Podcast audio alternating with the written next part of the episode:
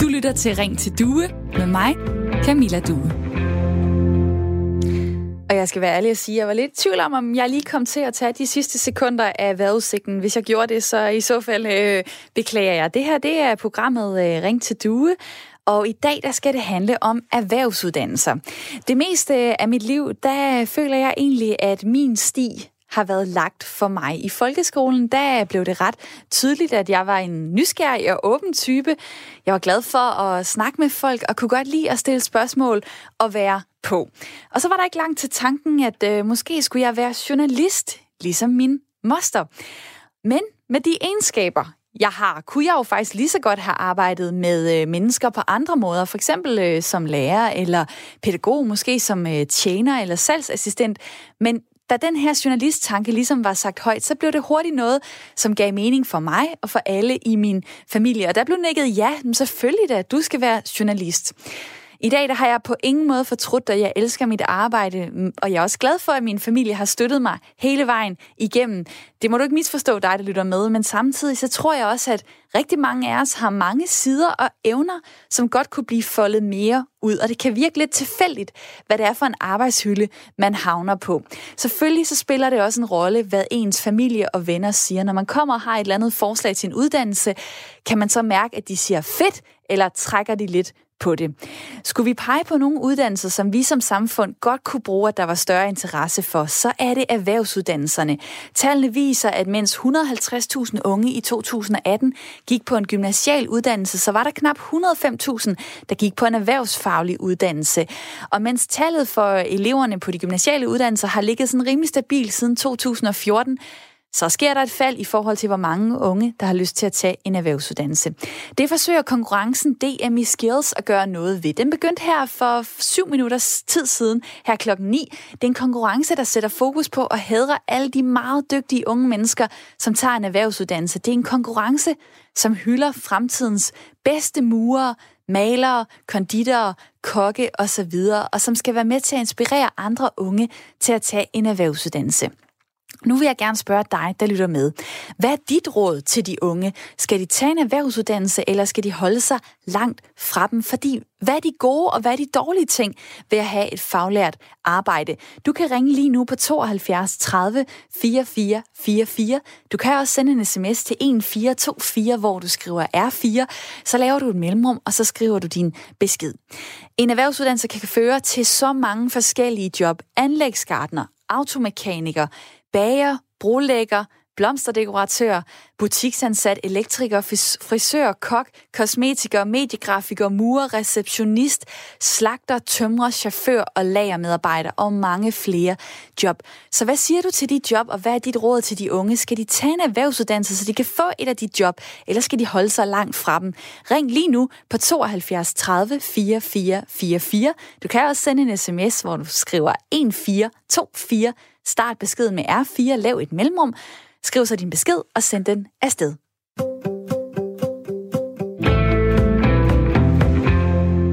Jeg gerne sige hej til mit lytterpanel i dag.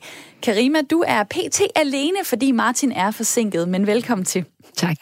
Karima Kirkegaard, du bor i København, du er 43 år, du underviser i yoga og meditation, og så arbejder du også med udledsagede flygtningebørn i Sandholmlejren og på Sjælsmark Udrejsecenter.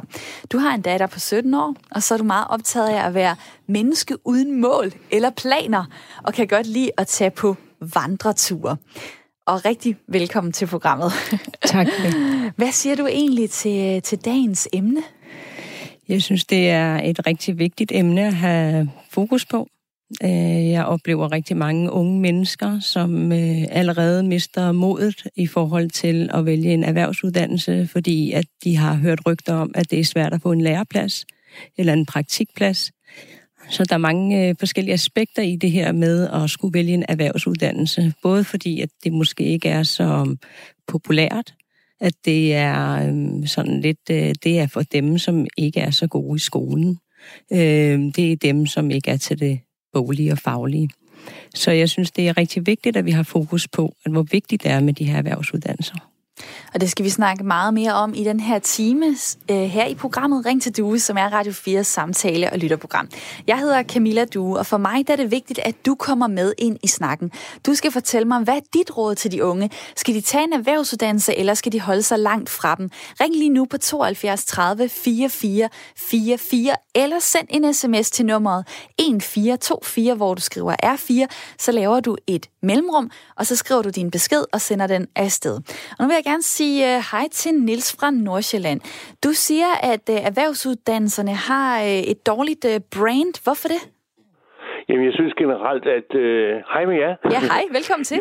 ja, tak skal du have. Nej, jeg synes simpelthen, man har været alt for dårlig øh, igennem årene til at promovere de her øh, håndværksfag. Øh, det er blevet sådan, du ved, en etikette, tror jeg, hos mange unge mennesker, at øh, det, det drejer sig om i dag, det er at øh, blive til noget, som man kan øh, være bekendt og fortælle om. Altså, man skal have et smart job, ikke? Og man skal også tjene rigtig mange penge, fordi det der med at vise øh, på overfladen, at det går godt, øh, at man har råd til de her forskellige øh, dyre øh, ting og sager. Øh, det betyder meget for de unge mennesker, og derfor så kommer man sådan i et dilemma, når vi nu i dag øh, må konstatere, at vi har et meget, meget stort gab, øh, i hvert fald når man hører øh, folk fortælle om det, øh, hvad folk øh, tjener for at gå på arbejde 8 timer om dagen. Og, Hva, og det må jeg lige spørge dig, hvad, hvad har du selv øh, uddannet dig som, og, og kunne du have en Jamen, erhvervsuddannelse i tankerne ja, dengang? Nej, da jeg gik i skole, der var der noget, der hed bolig og faglig. Øh, og der blev øh, klasserne, kan man sige, lidt delt op ikke, af sig selv, at nogen gik videre øh, øh i, det, i, det, i det bolige, og andre, du ved, de gik ud af 9. klasse og 10. klasse og fik en eller anden læreplads og kom i mesterlærer. Den skulle man så aldrig nogensinde have, have, have afvidet. Alle, alle unge mennesker skulle have lov at gå øh, bag ved en, øh, en, en, en, en håndværksmester og lære det, han nu kunne. Men, øh, men nej, dengang dengang var der ikke den der, øh, øh der var ikke det, den der tanke, at jeg skulle på universitetet eller have kasket på eller noget som helst. Det er først noget, der er kommet senere. Så, så der, jeg tror, der var en, en, en fornuftig øh, øh, udvælgelse dengang, at man kunne se, at der var nogen, der var gode med deres hænder, og der var nogen, der var gode med deres hoveder. Og det, det synes jeg var rigtig, rigtig fint, at, øh, at, man var, at det var i orden, at man gjorde det på den måde. Og den øh, tanke hænger så måske øh, stadig fast. Og øh, der er jo så det problem, at der er åbenbart mange, der mener, at de unge, at de er bedre med deres hoveder, end de er med deres hænder, fordi der er øh, rigtig mange flere, der vælger en gymnasial uddannelse. Og det er det, du snakker om, at det ved vi, at øh, på sigt så kommer vi til at, at mangle rigtig mange øh, inden for, øh, for de faglærte øh, job. Øh, mm. Hvad tror du øh, kan være en, en løsning på at få flere unge til at tage en erhvervsuddannelse? Ja, altså for det første skal vi jo have den stolthed tilbage, der er ved at, at gå på arbejde i det hele taget, om man er i Fakta eller er på et hospital eller, eller hvad. Og så skal de mennesker, der selvfølgelig uddanner sig på de forskellige områder, selvfølgelig have lov til at lave deres arbejde ordentligt. Det værste i dag, tror jeg, det er for de fleste det her med, at man går på arbejde, får en uddannelse, og så finder ud af, at jeg kan faktisk ikke øh, udføre mit arbejde, fordi der er ikke tid nok, og øh, for øvrigt er lønnen heller ikke særlig god, så jeg render min røv læser, uden egentlig at rigtig for noget for det i den sidste ende. Så føler man sig lidt til grin. Så jeg tror, at det, der er løsningen på det, det er, at øh, vi øh, tager brillerne på og bliver bedre til at se ordentligt på, hvordan øh, vi får, øh, hvad skal man sige, værdigheden af æren tilbage igen øh, med det der at stå op og, og, og faktisk udføre et stykke arbejde. For min opfattelse er, at alle de jobs, som vi har i det her samfund, som er et meget indviklet samfund som vi bor i her i Danmark, at øh, alle de her jobs, de er faktisk lige vigtige. Så øh, hjemmehjælperen og socioassistenten og alle de andre, det skal ikke være sådan noget bundarbejde. Altså, de skal skulle have en ordentlig løn, og øh, de skal have deres værdighed for at gå på arbejde og lave det, de laver, for det er et meget, meget vigtigt arbejde. Lige så vigtigt i hvert fald, som det er for ham med jakkesæt og slips, der parkerer med sædelsen og skal ind og drikke kaffe og holde møder. Mm. Så, så jeg, jeg tror altså desværre, at vi, vi, må, vi må genopfinde den her værdighed øh, med hensyn til job og mm. arbejde. Og det sagde Nils fra Nordsjælland. Tak fordi du ringede ind. Nummeret det er 72 30 4444. Her kan du altid ringe ind og dele din holdning eller erfaring øh, med det emne, som vi snakker om, som i dag altså er erhvervsuddannelser. Hvad er dit råd til de unge? Skal de tage en erhvervsuddannelse, eller skal de holde sig langt fra dem? Der kommer også flere sms'er lige nu, øh, og tak for det nummer. Det er 1424 4. Skriv R4, lav et mellemrum, og send så øh, din øh, besked afsted. Og nu vil jeg gerne sige hej til Niklas. Hej. Hej. Du, øh, du er uddannet karosseritekniker og tidligere vinder af DM i Skills, som var øh, det, jeg fortalte om her i starten af programmet. En konkurrence, øh, hvor man hedder de allerbedste unge inden for erhvervsfagene. I dag der er du så faglærer på College 360 i Silkeborg, hvor du øh, underviser kommende karosseriteknikere. Det er sådan nogle håndværkere, som fikser ødelagte biler. Hvordan havnede du lige på den uddannelse?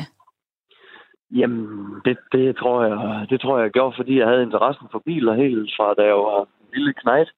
Øh, og så fordi jeg godt kunne lide det gode håndværk øh, ved at lave skadede biler. Øh, der er mange, der tænker i dag, at hvis man skal lave biler, så skal man bare være mekaniker. Men, øh, men, men der, er så, der er flere veje inden for den branche der.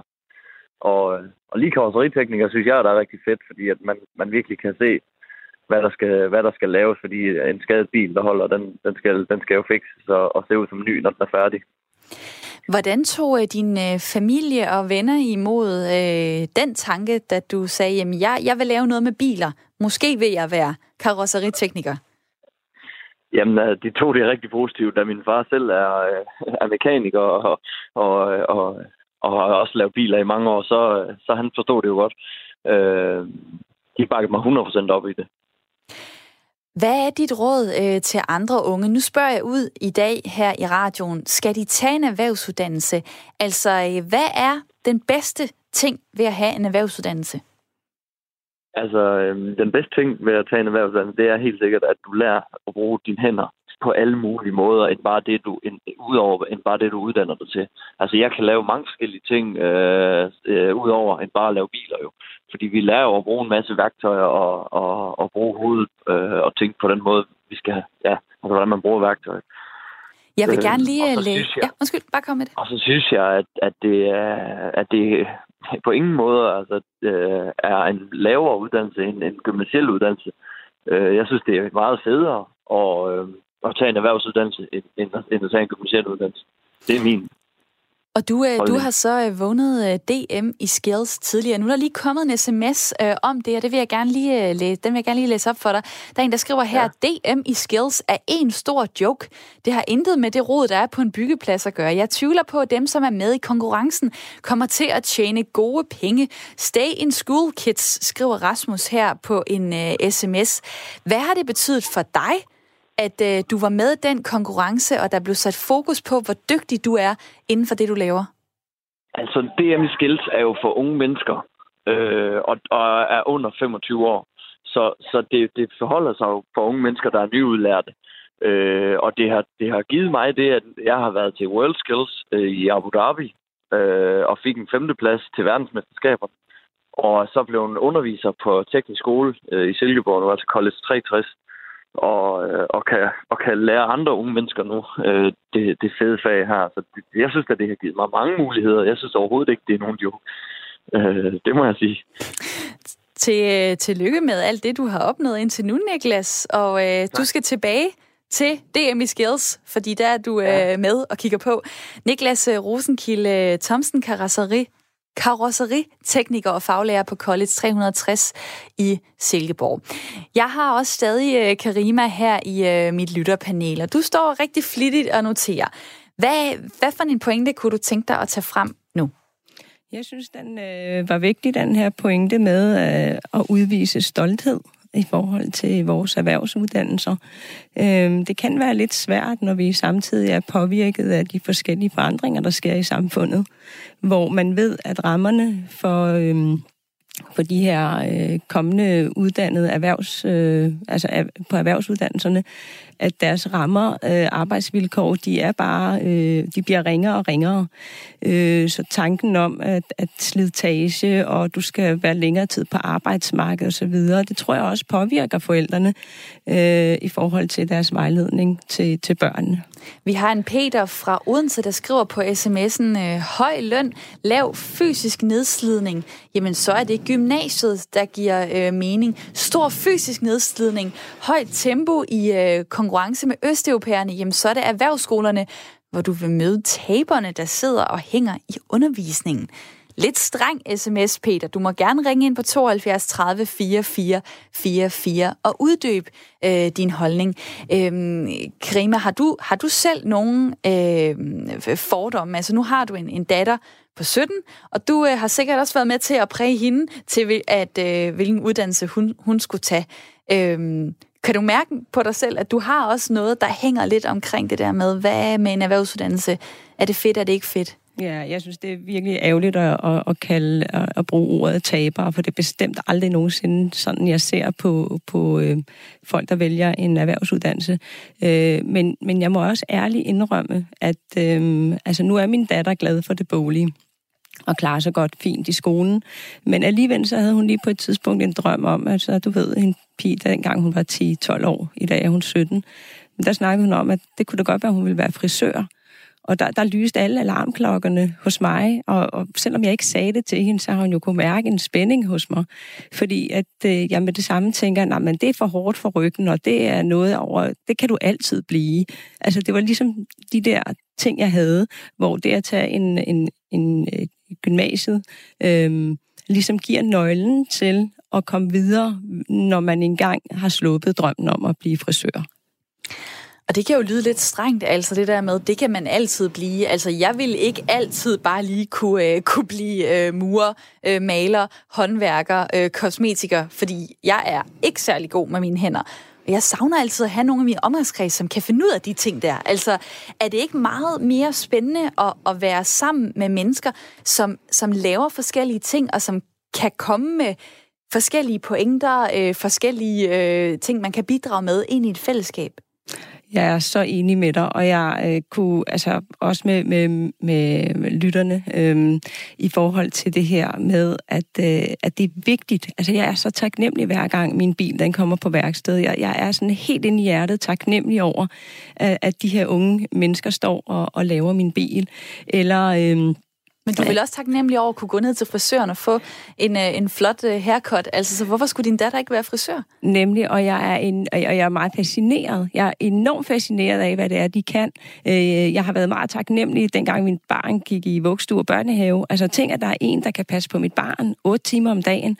Altså, det har virkelig, det er stor respekt, jeg har for de her mennesker, men samtidig, det er det, der er så paradoxalt i det her, samtidig er jeg påvirket af, hvordan nu når min datter er dygtig bolig, så, så tænker jeg, at så skal hun gå en anden vej. Hvis nu hun havde nogle andre ressourcer, hvis jeg allerede havde bemærket, at hun er bare ikke glad for skolen, hun er ikke, øh, altså hun, hun er bedre til at bruge sine hænder, så vil jeg våge at påstå, at så vil jeg støtte op omkring det.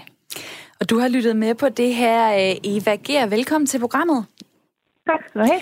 Afdelingsleder ved Unge Job og Uddannelse i Aarhus Kommune. Det vil sige, at du er leder for øh, ungdoms, øh, undskyld, uddannelsesvejlederne i, øh, i Aarhus. I folkeskolen der har eleverne mulighed for at få vejledning øh, til, hvilken uddannelse de skal vælge af de her UU øh, vejledere. Så det er jo allerede sådan som 13, 14, 15 år, at man skal begynde at tage stilling til, hvad man vil efter 9. klasse. Skal man så på efterskole? Skal man i 10. klasse? Skal man tage den gymnasiale STX? Skal man tage erhvervsuddannelse? Skal man HHX på handelsskolen osv.? Der er så mange ting, man kan vælge. Helt kort her til at starte med, hvordan foregår sådan en øh, uddannelsesvejledning i dag? Altså, den foregår jo, øh, vi starter med eleverne i 7. klasse i det, der vi kalder den kollektive vejledning. Der har vi en gang i 7. klasse, fire gange i 8. klasse og tre gange i 9. klasse, øh, hvor vi er inde i klassen for at, at vejlede alle elever i, øh, i uddannelses, ungdomsuddannelsessystemet øh, og vejen derind. Og, øh, øh, og så ja. har vi jo vejledning for individuel vejledning for de af, af vores elever, der får en forløbig ikke uddannelsesberetning klasse. Og telefonen, den, øh, den hakker lidt. Jeg håber, lytterne derude øh, får det, det meste med. Du må godt lige ryste den en, en enkelt gang, hvis du kan. Så imens så vil jeg stille det her øh, spørgsmål. Hvilke uddannelser plejer de unge selv at tage med til, til vejledning? Altså, er der nogen af dem, der kommer med erhvervsuddannelser og siger, det er det her, jeg drømmer om? Altså, jeg tror, jeg vil, jeg, jeg tror, jeg vil svare på en anden måde med det spørgsmål. Det for nogle år siden var jeg inde i en øh, 9. klasse, og, og bagerst øh, bagerst i klassen sidder Frederik, og han starter med, i det han får øje på mig, ved, at jeg kommer og snakker om, om uddannelse, så siger han, du kan godt stoppe med at snakke om EUX og erhvervsuddannelser. Øh, vi gider ikke at høre mere om det. Det har du snakket om.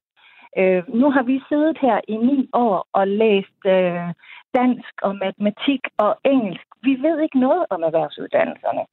Øh, så man kan sige, at det, at, at de på forhånd ikke rigtig ved noget, gør det svært for dem at tage det med. Hmm. Øh, så det vi arbejder med, det er jo at, at give dem en hjælp til at få en, øh, en, et kvalificeret grundlag øh, at træffe valget på.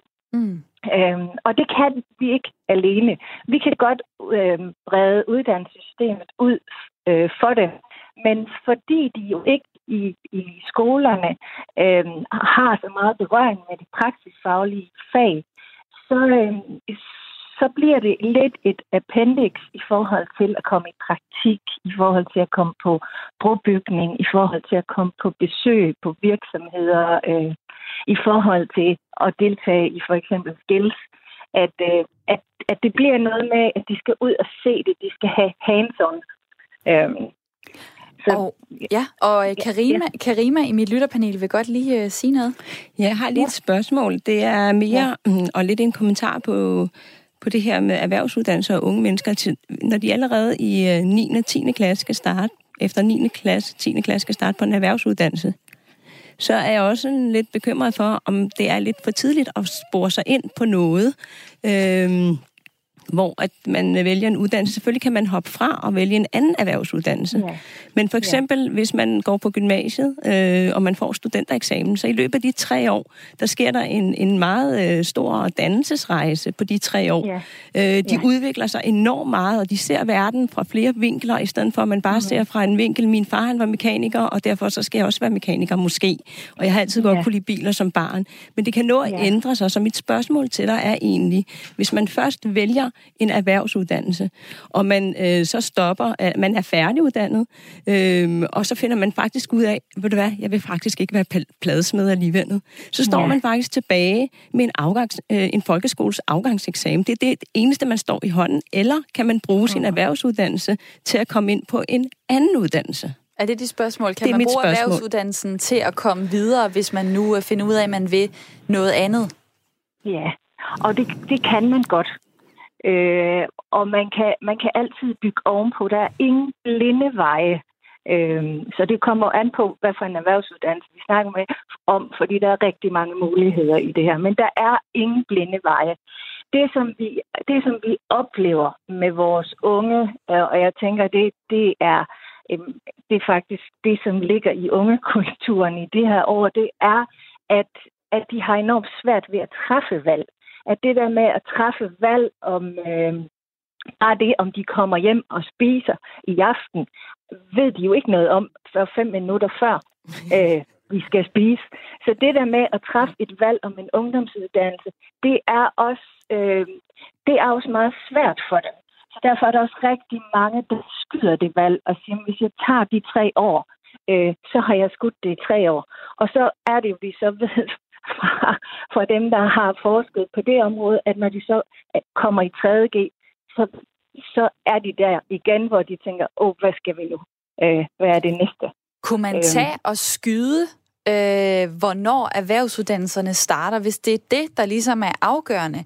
Kunne man så lave et eller andet slags øh, mellemforløb, som, som stadig gjorde, at man måske blev præsenteret for en masse forskellige øh, erhvervsfag, men hvor man så fik lidt øh, bedre tid øh, til at, at tænke sig om? Altså, det lyder det som en fantastisk idé. Øh, det, det kunne jeg sagtens se det fantastiske i. Øh, og netop fordi, at der ikke er ret meget viden om, de unge ved ikke ret meget. Øh, hvis man træder ind i en, en syvende klasse og beder dem om at sige, hvad er en ungdomsuddannelse, så vil de sige, som det første, det gymnasier, der ligger tæt, tættest på dem.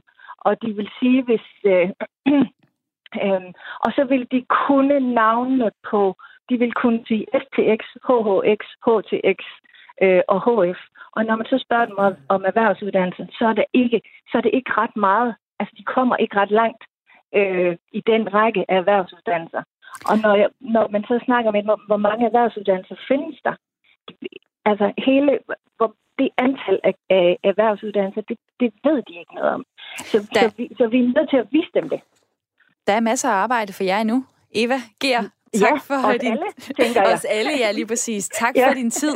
Det var lidt.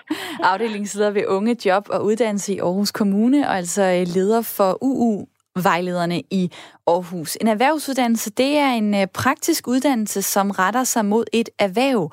Øhm, uddannelsen, øh, den veksler sig mellem noget undervisning på en skole, og så er der perioder med praktik. Og der er der en grund til, at man kan blive forvirret, fordi der er 102 uddannelser med over 300 trin eller specialer, som man kan vælge imellem. Og en erhvervsuddannelse, den kan have en længde på halvandet år, den kan også vare op til fem et halvt år. Og så er der nogle hovedområder. Der er fødevare, jordbrug og oplevelser, der er omsorg og sundhed og pædagogik, der er kontor, handel og forretning, og der er teknologi, teknologi, byggeri og transport. Så der er der grund til at øh, blive forvirret i forhold til øh, STX, HHX. Det virker meget øh, lige til. Og forældrene spiller faktisk en, en ret stor rolle i forhold til, hvad det er for nogle uddannelser, som øh, de unge får ind på, øh, på lystavlen. Det skal vi snakke videre om om lidt. Øh, og der skal vi også øh, få nogle råd til, hvordan man kan åbne sine egne horisonter øh, som forældre, så man måske kan være med til at øh, bidrage til, at vi alle sammen får nogle rigtig dygtige faglærte øh, derude. Du kan også være med i det her program. Det er et lytterprogram. Du kan ringe på 72 30 44 44. Du kan også sende en sms til 1424, hvor du skriver R4. Så laver du et mellemrum, og så øh, skriver du din besked. Nu skal vi først have et nyhedsoverblik. Siden 2001 har mere end 2800 udenlandske personer trodset det indrejseforbud, som de har fået med en udvisningsdom. Det viser en ny opgørelse fra Rigsadvokaten, som DR skriver om i dag. Politikerne har i flere omgange skærpet straffen for at bryde sådan et indrejseforbud. Men for mange af de her personer, der har det ingen effekt, om man sætter straffen yderligere op, mener advokat Henrik Statorn. Han har jævnligt sager, hvor han har kontakt til kriminelle udlændinge, der er blevet udvist og efterfølgende bryder deres indrejseforbud. Det er folk, der vender tilbage, fordi de har en familierelation, siger han, og så er det en kalkuleret risiko at blive fanget igen. Minimumsstraffen for at bryde et indrejseforbud, der ligger på et års fængsel. For første gang er det lykkedes forskere at fremstille et medicament, der kan sænke niveauet af den særlige type kolesterol, der hedder lipoprotein A, det skriver politikken. Lipoprotein A er særlig, fordi det niveau, man har i blodet, det er genetisk bestemt. Og det betyder, at man ikke kan påvirke det med livsstilsændringer eller ved at tage almindelig kolesterolmedicin. 20 procent af befolkningen har det arvelige kolesterol i forhøjet og potentielt farlige mængder i blodet, og har derfor blandt andet øget risiko for at få blodprop i hjertet og hjernen. Forskningen viser, at niveauet af lipoprotein A i blodet det falder med 80% hos den enkelte patient, når man får en indsprøjtning med det her nye medicament en gang om måneden. Medicinen er ikke på markedet endnu, men tanken er, at folk selv skal kunne give sig en indsprøjtning, ligesom at diabetespatienter selv kan tage deres insulin. Dag bliver anklagerne i en rigsretssag mod USA's præsident Donald Trump præsenteret i senatet. Donald Trump er den kun tredje siddende præsident i USA's historie, der bliver stillet for en rigsret. Der er to anklagepunkter mod Trump. De handler om embedsmisbrug og hindring af kongressens arbejde. Præsidenten er anklaget for at have misbrugt sin magt ved at presse Ukraines regering til at iværksætte en undersøgelse af Trumps politiske rival Joe Biden og hans søn. Og derudover så er Trump anklaget for at have modarbejdet kongressen i efterforskningen af den her sag. I dag ved middagstid, lokaltid, der vil anklagepunkterne formelt blive præsenteret for senatets medlemmer. Det sker ved, at personerne i den styregruppe, som repræsentanternes hus har udpeget i forbindelse med sagen, de læser anklagerne højt. Selve rigsretssagen, den forventes at begynde på tirsdag, og så var den i cirka to uger. Et luftangreb udført af regimet mod den syriske by Idlib har dræbt mindst 18 civile. Det oplyser den britisk baserede overvågningsgruppe, det syriske observatorium, observatorium for menneskerettigheder. Angrebet skete på trods af, at der er indgået en våbenhvile i området. Ifølge overvågningsgruppen er ni civile døde og mindst 20 blevet såret. Årsagen er, at præsident, øh, undskyld, ifølge FN's humanitære organisation, står der, er 350.000 mennesker flygtet fra deres hjem i den sydlige del af Idlib-provinsen siden 1. december, og årsagen til det er, at præsident Bashar al-Assads syriske regime med hjælp fra russiske styrker har optrappet antallet af angreb i provinsen. Tidligere i januar der blev der forhandlet en våbenhvile på plads mellem Rusland, der altså støtter regimet, og Tyrkiet, der støtter oprørende. Og den våbenhvile skulle i princippet gælde fra i søndags. En vejrudsigt får vi her til sidst. Tørt vejr i dag og lidt eller nogen sol flere steder, men i løbet af dagen bliver det mere skyet, og ellers temperaturer, der ligger sig mellem 5 og 8 grader.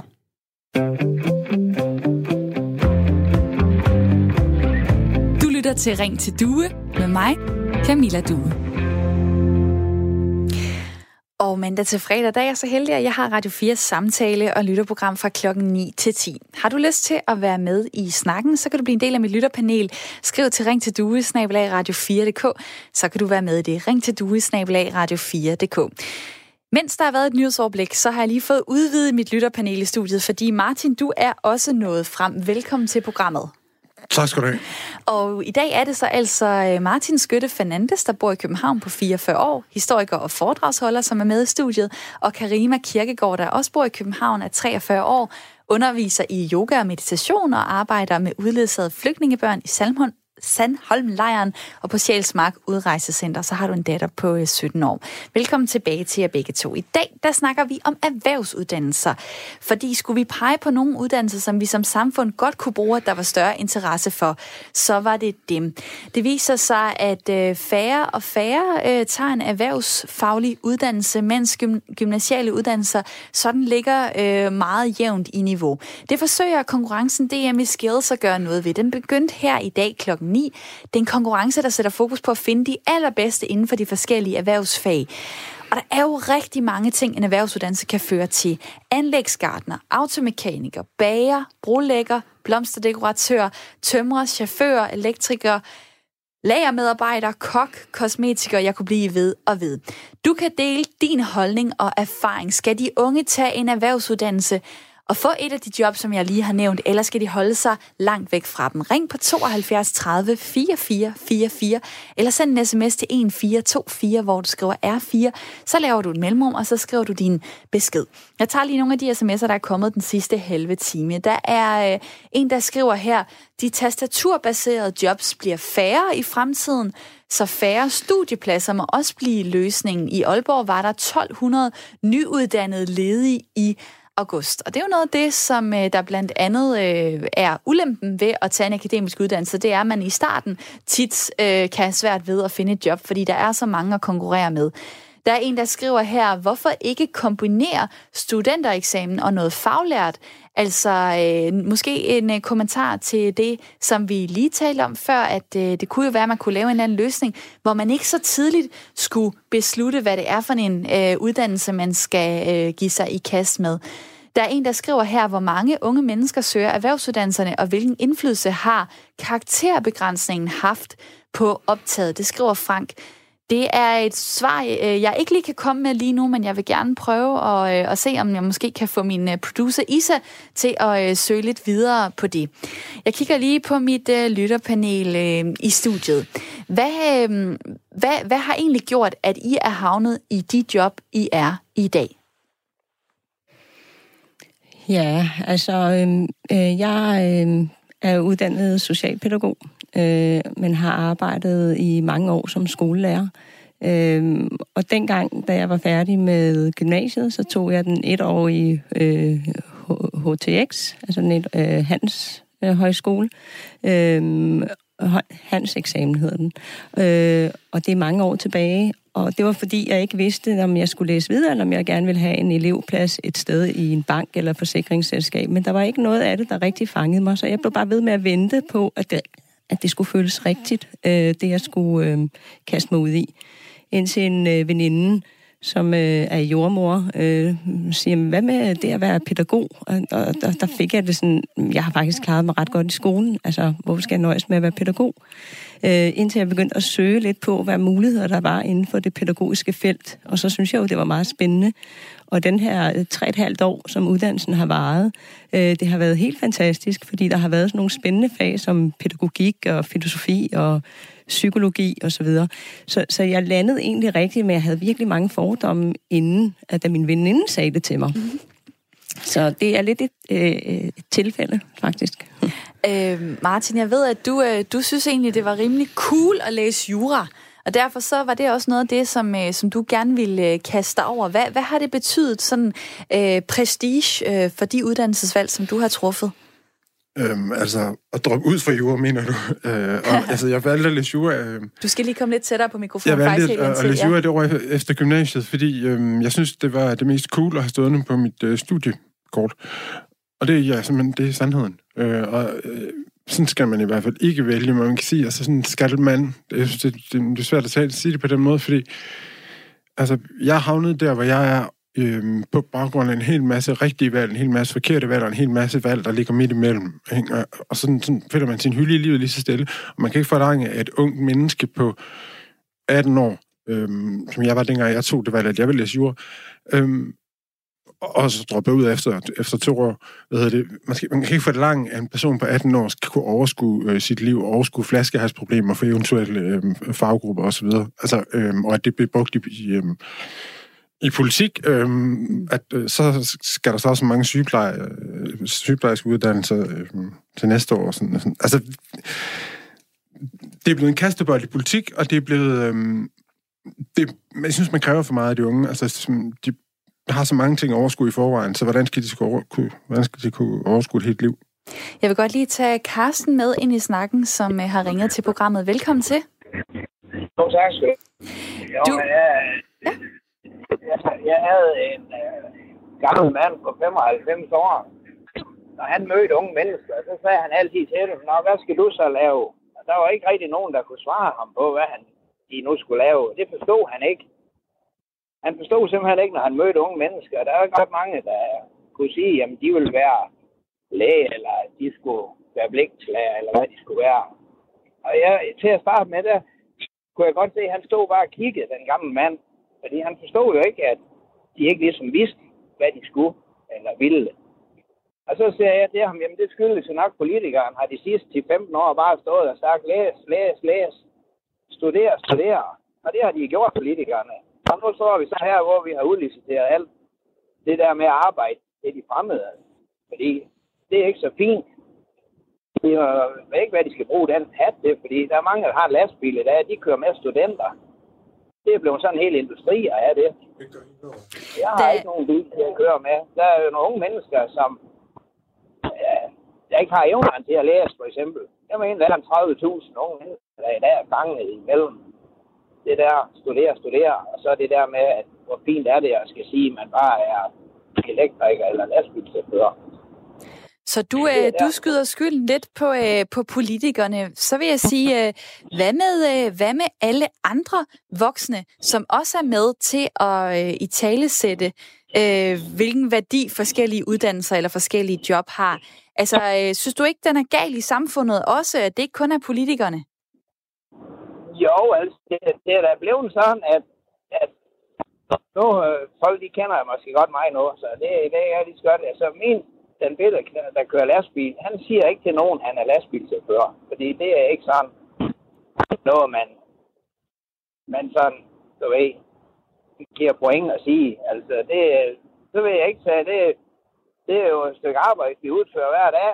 Hvis der er nogen, der kører brandbil, eller nogen passer studie ved dig, ikke også? Altså, det, det er jo svært. Altså, jeg kan jo ikke... Ja, jeg kan bare se det fra, når jeg kigger ud, at jeg begyndte at køre lastbil i 1982 under Anker Jørgensen. Og det var ikke øh, Morten Kork og de røde heste eller Paul Reichardt. Det var 82 under Anker Jørgensen. Og der er det her land blevet trukket mere og mere sidevejs.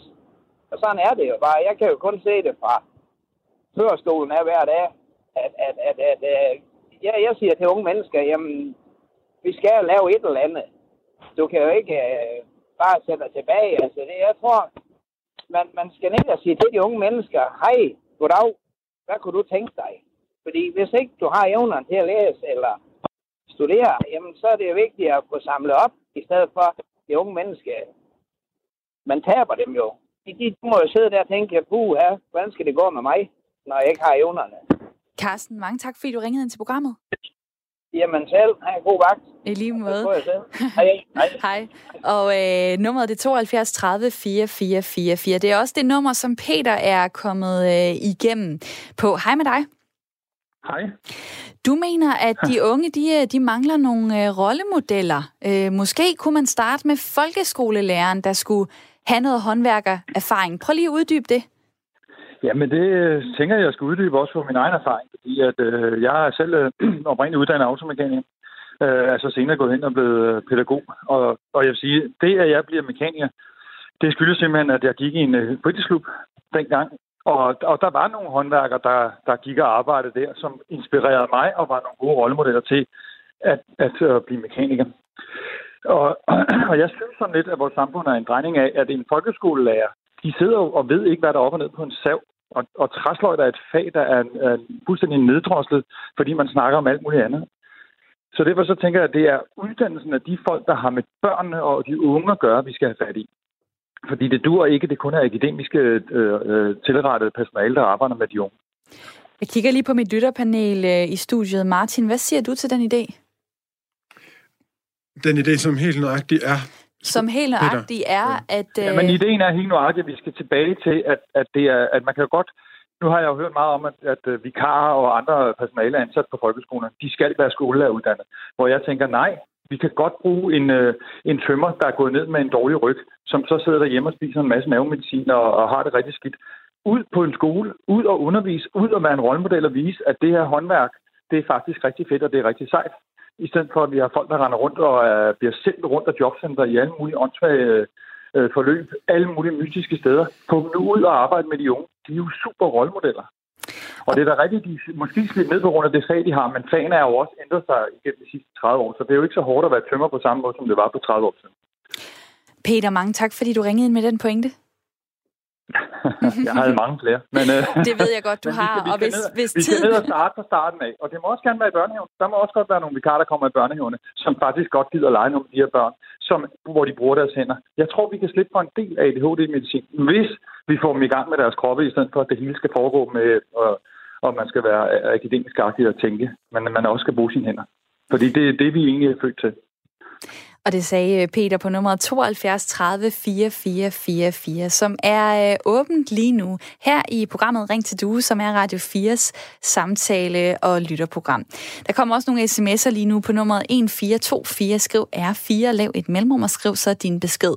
Øh, der er en, der skriver her, jeg har selv taget en gymnasial uddannelse og en videregående uddannelse inden for salg og marketing, men jeg valgte at starte i voksenlærer inden for VVS-faget. Jeg blev træt af lange dage foran computeren, både på jobbet og hjemme hos familien. Jeg nyder, at jeg ikke får 100 mails om dagen.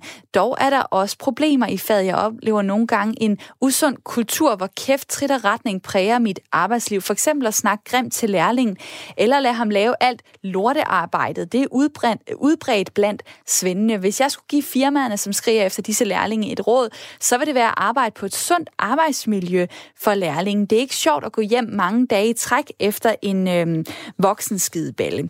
Og jeg har nogle tal på, hvad det egentlig er, øh, vi mangler. Vi manglede i hvert fald i øh, 2018 blandt andet, øh, siger 32 procent af murvirksomhederne, de havde problemer med at få relevant arbejdskraft. 30 procent af VVS'erne sagde, vi mangler også arbejdskraft. 26 procent af maler- og glarmestervirksomhederne. Og det er altså tal, der samlet set øh, kan gøre, at vi, vi på sigt mangler folk, der er rigtig gode inden for øh, forskellige fag. Murer, VVS, malere osv. Forældre har en ret stor betydning i forhold til, hvad det er for nogle øh, uddannelser, som de unge vælger. Og det vil jeg gerne tale med dig om nu. Velkommen til programmet, Jens. Jens, Hej. du er på en, øh, på en anden linje, end jeg lige troede. Velkommen til programmet. tak for det. det var derfor, der måske, ja, måske også hang lidt i, i præsentationen af dit øh, navn. Men øh, du er uddannelseskonsulent i 3F, som er en fagforening for en stor del af dem, der har en erhvervsuddannelse. Hvordan øh, kan nogle forældre stå i vejen for, at unge vælger en erhvervsuddannelse? Jamen, det, jeg tror som heller ikke, at forældre gør det af ond vilje.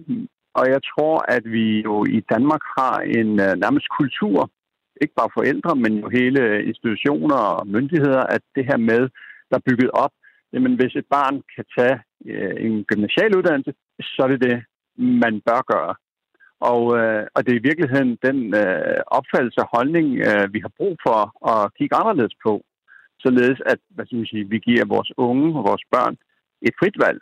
At de i virkeligheden bevæger sig derhen, hvor de har lyst og gerne vil, og selvfølgelig også har nogle evner for. At, at det er det, vi øh, hvad skal sige, opfordrer vores børn til og præsenterer vores børn for, så de træffer et, øh, et frit og oplyst valg, snarere end, hey, vi bør tage gymnasiet, fordi det kan man. Jamen, jeg tænker, der kan da godt være en, øh, en ung knægt i 9. klasse, som kommer til sin far og siger, jeg tror måske, jeg skal være bager. Og så sidder faren og tænker, jamen, du er da så god til matematik. Skal du ikke lave et eller andet med økonomi? Skal du måske ikke være øh, inden for bankverdenen eller sådan noget? Altså, ved, ved du, at det, øh, det bliver så mere, som, som forældrene vil have det, end som sønnen vil? Altså, at det ikke i sidste ende er de unge, der gerne vil tage øh, de gymnasiale eller længere øh, øh, gående ud, uddannelser? Altså selvfølgelig er det til syvende og sidst, i hvert fald når de er over 18, dem selv, der træffer et valg, men, men vi ved jo også godt, at den største øh, påvirkningskilde, øh, det er forældrene. Så derfor har forældrene jo en, en rigtig stor rolle i det her. Ja, jeg har faktisk nogle tal på det, så måske var det et lidt tavligt øh, spørgsmål at stille dig. øh, hvis man spørger, hvem der inspirerer til, at, til hvilken uddannelse man skal tage, så siger 51 procent forældrene. De er klart øh, de vigtigste i forhold til både inspiration og til ligesom at godkende den idé, man har fået. Dernæst så kommer vennerne, 31 procent, så kommer søskende, så kommer andre voksne, og så lander UU-vejlederne, som er dem, øh, der ellers skal give gode råd i folkeskolen. Der er kun 18 procent, der siger, at øh, at UU-vejledere har, øh, har inspireret dem til, hvilken uddannelse de skal tage. Så altså forældrene er ligesom øh, hovedstenen i det her. Hvis man sidder derude og godt ved som forælder, den er lidt gal. Jeg har lidt øh, øh, kørt mig ind på et spor, der hedder, at min søn skal læse jura eller økonomi eller et eller andet. Hvordan kan man lige øh, arbejde med sig selv og, og få åbnet sine horisonter? Jamen, jeg tror da, at man skal... For først skal man måske slippe forestillingen om, at sådan bør verden være, men snarere være nysgerrig på, hvad er ens øh, unge barn eller unge menneske, altså i hvilket retning de brænder for tingene. Hvad er det, der motiverer dem? Hvad er det, de synes, der er fedt at lave her i livet? Og så se bort fra det andet. Øh, fordi det skal, der er måske sådan en forestilling også om, at øh, når man så har truffet øh, et valg, eksempel at man vil tage en erhvervsuddannelse, så er det øh, så det, man skal lave indtil øh, til man øh, skal gå på pension. Og det er jo lidt skørt i en tid, hvor vi jo ikke ved, hvilket job vi har om 20 år. Så der er alligevel ingen, der er i stand til at forudse, hvad der er, vi kommer til at lave om 20 år. Og vi er jo også undervejs i livet forandrer sig som mennesker. Og rigtig mange med en erhvervsuddannelse ender nogle helt andre steder, end der, hvor de begyndte. Martin i mit lytterpanel vil lige sige noget. Jamen, jeg vil bare sige, at vi, vi er efterhånden blevet enige om, at vi lever i en tid, hvor unge bliver sådan bombarderet med i stadig, stadig flere og flere valg, øhm, som er svære at, og svære at tage alle sammen. Jeg tror, det vi skal støtte op om, det er for det første ikke at, øhm, at lave sådan en, en mur mellem de boglige uddannelser og de erhvervs, øh, erhvervsuddannelser, hvad vi skal kalde dem. Øhm, tænk over, hvad vi siger om dem, og så understøtte det her med, at jamen, altså, fordi du tager et valg, når du er 18, så er det ikke ens betydende med, at du så er tvunget til at være øhm, historielærer på gymnasiet resten af dit liv. Altså, øhm, understøtte børnene i, øh, de unge i, at, øhm, at valgene er ikke skæbnesvangre. Så bliver det så ikke så svært at vælge, og så bliver det ikke så presset. Jeg tror, det er den vej, vi skal gå, så jeg tror, det er rigtigt Ja. Jeg har, jeg har nogle ting her, som unge har, øh, har udtalt i forhold til, hvorfor de ser erhvervsuddannelserne som en begrænsning. En af dem er det her med, at de vil gerne holde deres fremtidsmuligheder så åbne så, i så lang tid, som de nu kan. Og så er der også en, en, øh, en fordom måske her om, at man får et mere interessant liv ved at have en lang uddannelse, og så vil de gerne undgå spildtid, hvis man alligevel har planer om på et tidspunkt at videreuddanne sig. Nu, øh, nu kan man jo sige, øh, Jens, du er stadig med på telefonen, øh, uddannelseskonsulent ja. i 3F. Øh, nogle af de der ting kan man jo måske godt argumentere øh, øh, imod, altså de her, øh, de her tanker, som de unge har. Er det i princippet forældrene, man skal have fat i til at nudge de unge til at, at træffe nogle andre valg? Jamen, jeg tror i hvert fald, at vi skal have fat i forældrene derhen, hvor vi skal have dem til at slippe de her forestillinger om, at sådan bør det være. Altså, vi er jo lidt båret af... Jeg er meget enig i det, der bliver sagt for, for lytterpanelet, men vi er jo lidt båret af den fortælling om, at, at øh, slagterens datter kan også blive direktør.